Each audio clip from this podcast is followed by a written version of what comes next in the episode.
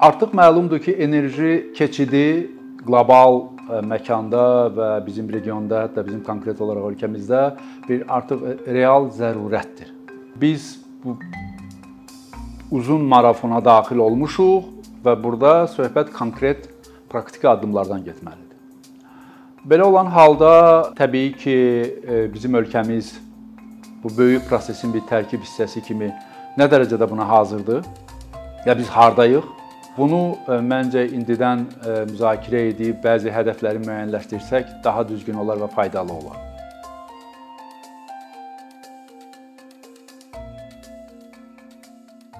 Öncə ondan başlayaq ki, enerji keçidi çox danışılır. Sadə məfhumu ondan ibarətdir ki, bəşəriyyət bizim vərdiş etdiyimiz ənənəvi enerjidən, yəni neft, qaz, kömür, o ingilislər ona fossil fuel deyirlər, ondan alternativ və bərpa olunan enerjiyə, karbonsuz enerjiyə keçid deməkdir. Sadə cavabı budur. Və bu təbii ki, yeni paradigmadır və bu paradigmanı hesab eləyirəm ki, çox ciddi sürətdə bütün bəşəriyyət müzakirə etdiyi kimi Azərbaycan da artıq nəinki müzakirə etməlidir, konkret bu halda bir e, ciddi bununla bağlı addımlar atmalıdır. E, Azərbaycanla bağlı ən böyük stereotip bundan ibarətdir ki, məhz bu enerji keçidi və bərpa olunan enerji ilə bağlı. Ki bizim neft, qaz kimi təbiətin bəxş etdiyi böyük potensiala malik bərpa olunan enerjimiz var. Bizim günəşli günlərimiz, bizim Bakı-Abşeron yarımadasındakı küləkli günlərimiz o qədər kifayət eləyəcək ki, bununla bağlı heç bir problem olmamalıdır. Əslində qalsa rəqəmlər doğrudan da bunu deyir və bu rəqəmlər açıqdır. Olduqca böyük bir e, rəqəmdən söhbət gedir. Bir yerdə bir 26 min meqavat enerjidən söhbət gedir. İndiki enerji potensialından qat-qat çox. Və bunun böyük bir hissəsi günəş enerjisidir. Ancaq reallıq ondan ibarətdir ki, e, bu təbiətin bəxş etdiyi enerji mənbələri vacib şərtdir, ancaq kifayət eləmir. Yəni bu ilə bağlı digər e, deməli e, konkret e, amillər var ki, onlar nəzərə alınmasa risk var ki, burada biz büdrəyə bilərik. Əvvəla ondan başlayım ki, biz neft-qaz ölkəsi kimi neftin, qazın müəyyən mənada bu sektor təcrid olunmuş, izala olunmuş sahə kimi inkişaf edirdi. Aydınlaşdırın, bu o deməkdir ki, iqtisadiyyatın digər sahələri ilə elə bir böyük bağlılığı və yayımı yox idi. Bu ingiliscə buna spillover effekt deyirlər. Cavab sadədir. Neft e, çıxarırıq e, offshore-da, Xəzər dənizində lazım olan bütün avadanlığı xaricdən alırıq və e, deməli borularla xaricə ötürülür. Biz yalnız neft dollarını yaxud qaz dollarını görürük. Və orada işləyən işçilər də o qədər az tərkibdədir ki, bizim demək olar ki, o töv o sahəyə iqtisadiyyatın əlavə dəyər effekti çox azdır. Təbiidir, bu neftin spesifikasıdır. Artıq bərpa olunan enerji ilə bağlı biz bunu deyə bilməyəcəyik. Çünki orada söhbət bütövlükdə bir rəqabət şəraitindən gedir. Oyun qaydaları hamı üçün eynidir. Texnologiya daim, hətta hər saniyə belə yenilənir Biz müəyyən mənada dünya iqtisadiyyatının bir tərkib hissəsi olaraq bunu real olaraq rəqabət şəraitində reallaşdırmalıyıq. Burada artıq neftin, qazın renta gücü yoxdur. Digər ölkələrdən, iqtisadiyyatlardan fərqli olaraq Azərbaycanın bir əlahiddə bir digər özəlliyi ondan ibarətdir ki, və bu da bərpa olunan enerji ilə bağlı, enerji keçidi ilə bağlı xüsusi önəm daşıyan məqamdır ki, Azərbaycan bu sahədə önəm daşıyan liberal iqtisadi e, modelə malik deyil təəssüf ki. Reallıq budur. E, biz taleyimizlə barışmışıq ki, biz liberal iqtisadiyyat hələ ki qura bilməmişik. Əvəzində bizim e, dövlət kapitalizm modelimiz var. Bu ayrı bir mövzudur, ancaq bizim mövzu üçün o deməkdir ki, biz əksər digər ölkələrdə olduğu kimi özəl sektorun potensial istehsalçının hökumətə təzyiq edərək bunu e, bu prosesi qabağa aparmaq təcrübəsi bizdə ya olmayacaq ya çox zəif olacaq dediyim səbəbdən. Burada yenə həmin o səbəbdən driver rolunu elə hökumət özü oynamalıdır. Və bu e, prinsipcə bu kontekstdə bu da mümkündür. Biz indi reallıqdan danışaq. Sadəcə olaraq dövlət bu halda özünün tənzimləyici rolunu digər rollarında və xüsusilə bütün hər şeyi monopoliya almaq istəyindən fərqləndirməlidir, ayırmalıdır və burada kontekstdə öz funksiyasını, rolunu düzgün tapmalıdır. Yəni bu halda da mümkündür uğur. Mütləq deyil. Dövlət e, dünya ölkələrinin bütün hamısı liberal iqtisadiyyata malik deyil. Sadəcə olaraq burada qanunlar işlək olmalıdır.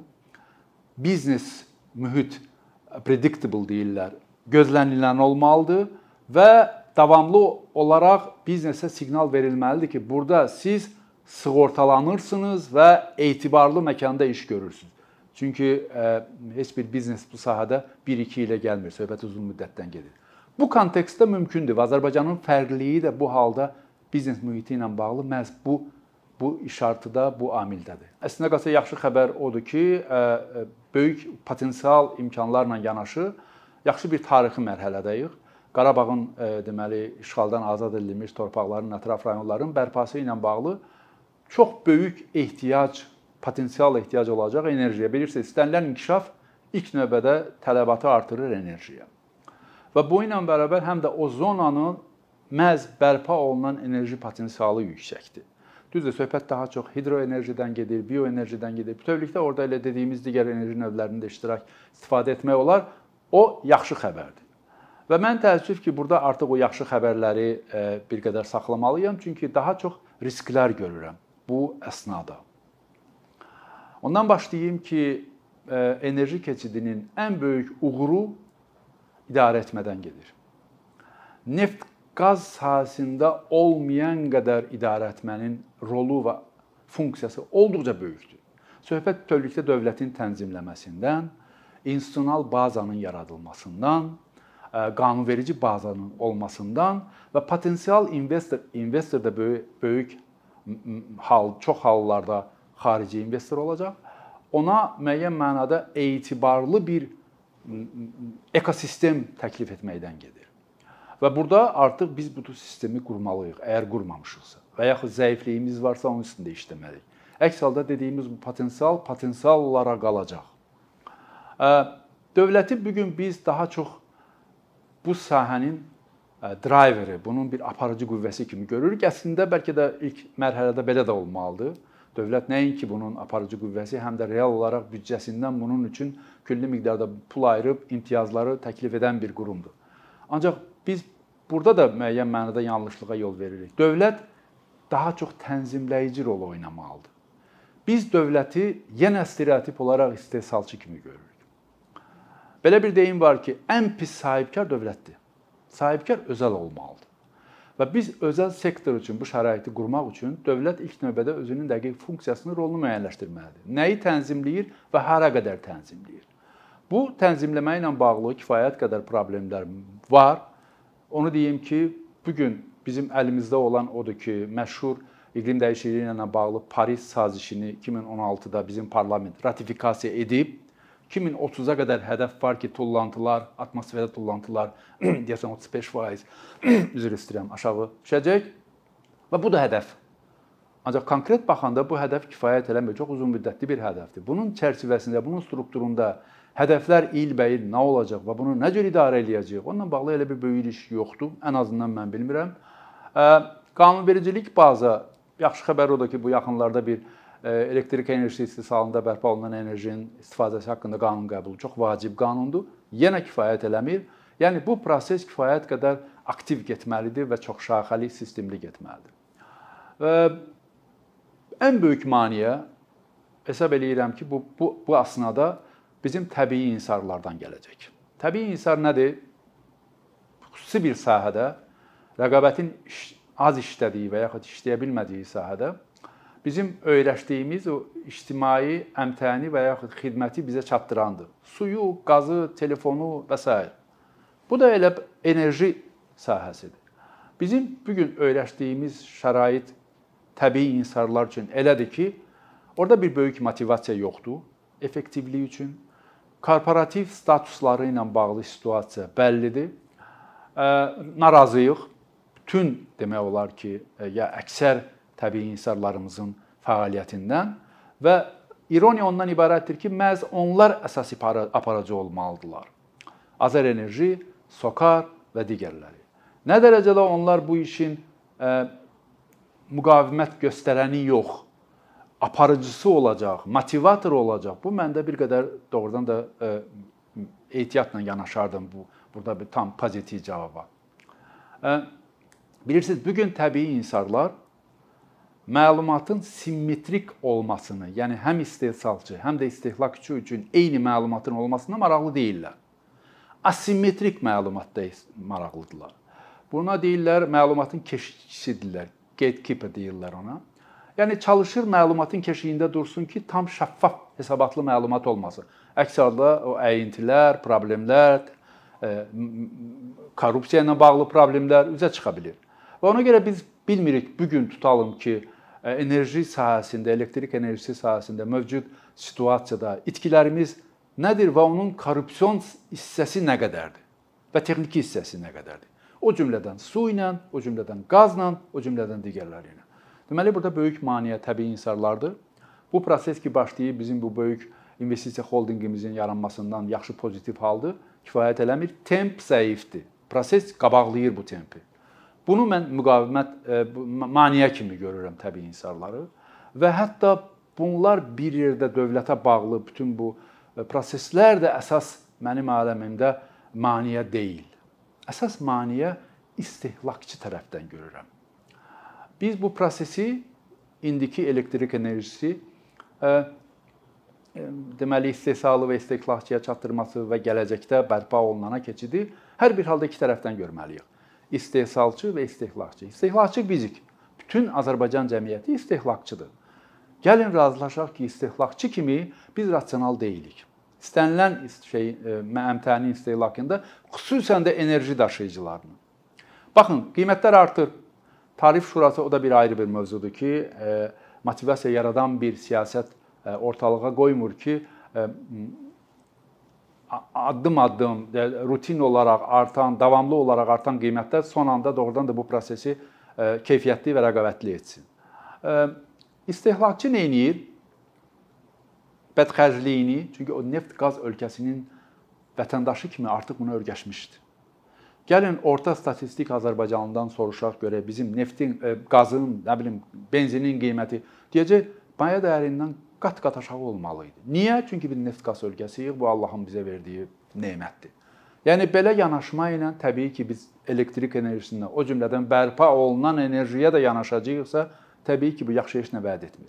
Ona görə də mən hesab edirəm ki, istehlakçı davranışı fundamental olaraq dəyişilməlidir. Biz başa düşməliyik ki, bərpa olunan enerjinin maya dəyəri indikindən heç də aşağı olmayacaq. Yüksək olacaq və onun qarşılığında insan özünün davranışını idarə etməyi bacarmalıdır. İstehlakçı olaraq biz çalışmalıyıq ki, bu maya dəyəri fonunda xərclərimizin azalması ilə bağlı konkret bir deyək ki, davranış davranışımızda bir dəyişiklik edək.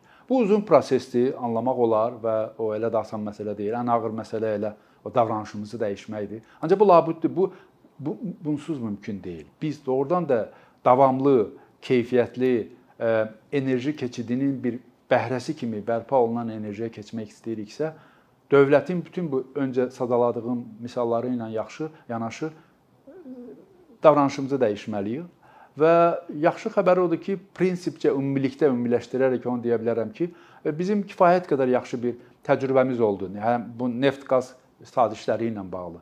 Biz xarici investorla işləyib e, davamlı, e, etibarlı münasibət qura bilən ölkəyik və biz bunu sübut etdik. Dediyim kimi bərpa olunan enerji ilə də bağlı, yeni texnologiyanın əxsi ilə də bağlı bu yanaşma davam edərsə, dövlət son anda onunla bitirmək istəyirəm ki, enerji keçidini özünün prioriteti, doğrudan da prioriteti elan edərsə, ümidlərim böyükdür ki, biz burada büdrəməyəcəyik və biz bu marafonu kifayət qədər uğurlu keçən e, ölkələr, e, iqtisadiyyatlar arasında olacağıq. Bir neçə ildir ki, əkinçi olaraq Azərbaycanlı izləyicilərin hər zaman faydalana biləcəyi keyfiyyətli və ən əsas ödənişsiz kontent hazırlamağa çalışırıq. İndiyədək təqdim etdiyimiz onlarla animasiya və yüzlərlə çəkilişlər tələbələrin, mütəxəssislərin, müəllimlərin və ümumiyyətlə yeni mövzulardan xəbərdar olmaq istəyən çox sayda insanın marağına səbəb olub. Bu illər ərzində hazırladığımız videolar təhsil, texnologiya, ictimai fəallıq, iqtisadiyyat, gender bərabərliyi, ətraf mühit, ifadə azadlığı, hüquq, demokratik inkişaf, mədəniyyət və digər mövzuları əhatə edib. Məqsədimiz çoxlu baxış gətirən deyil, çoxlu fayda gətirən videolar hazırlamaqdır. Amma bu düşündüyümüz qədər asan deyilmiş. Gördüyümüz iş kifayət qədər resurs, əmək və təbii ki, davamlılıq tələb edir. Bu səbəbdən Patreon platformasından istifadəyə başladıq. Əkinçinin Patreon hesabının populyarlaşmasına çox böyük ümidlərimiz və gözləntilərimiz var. Bəziləriniz Patreon haqqında ilk dəfə eşidirsiniz. Əslində çox sadə izahı olan bir platformadır. Təsəvvür edin ki, siz rəssam və ya musiqiçisiniz. Sosial şəbəkələrdə sizi izləyən, işinizi bəyənən çox sayda insan var. Patreon platforması sizə imkan verir ki, izləyicilərinizin könüllü aylıq ödənişləri sayəsində işinizi davam etdirəsiniz. Sərgi, konsert zallarından asılı qalmayasınız. Amma bu təkcə rəssam və musiqiçilərə aid deyil. Məsələn, əkinçiyə bənzər fəaliyyətlə məşğul olan bəzi layihələrin 10 minlərlə patronu var. Biz də düşündük ki, nə üçün əkinçinin Patreon hesabı olmasın? Sizin dəstəyiniz sayəsində biz daha çox və daha keyfiyyətli kontent yaratmağa davam edə biləcəyik. Amma bu dəstək yalnız maddi dəstək deyil. Dəstəkçilərimizin sayının artması gördüyümüz işlərin faydalı olduğuna dair əminlik verir.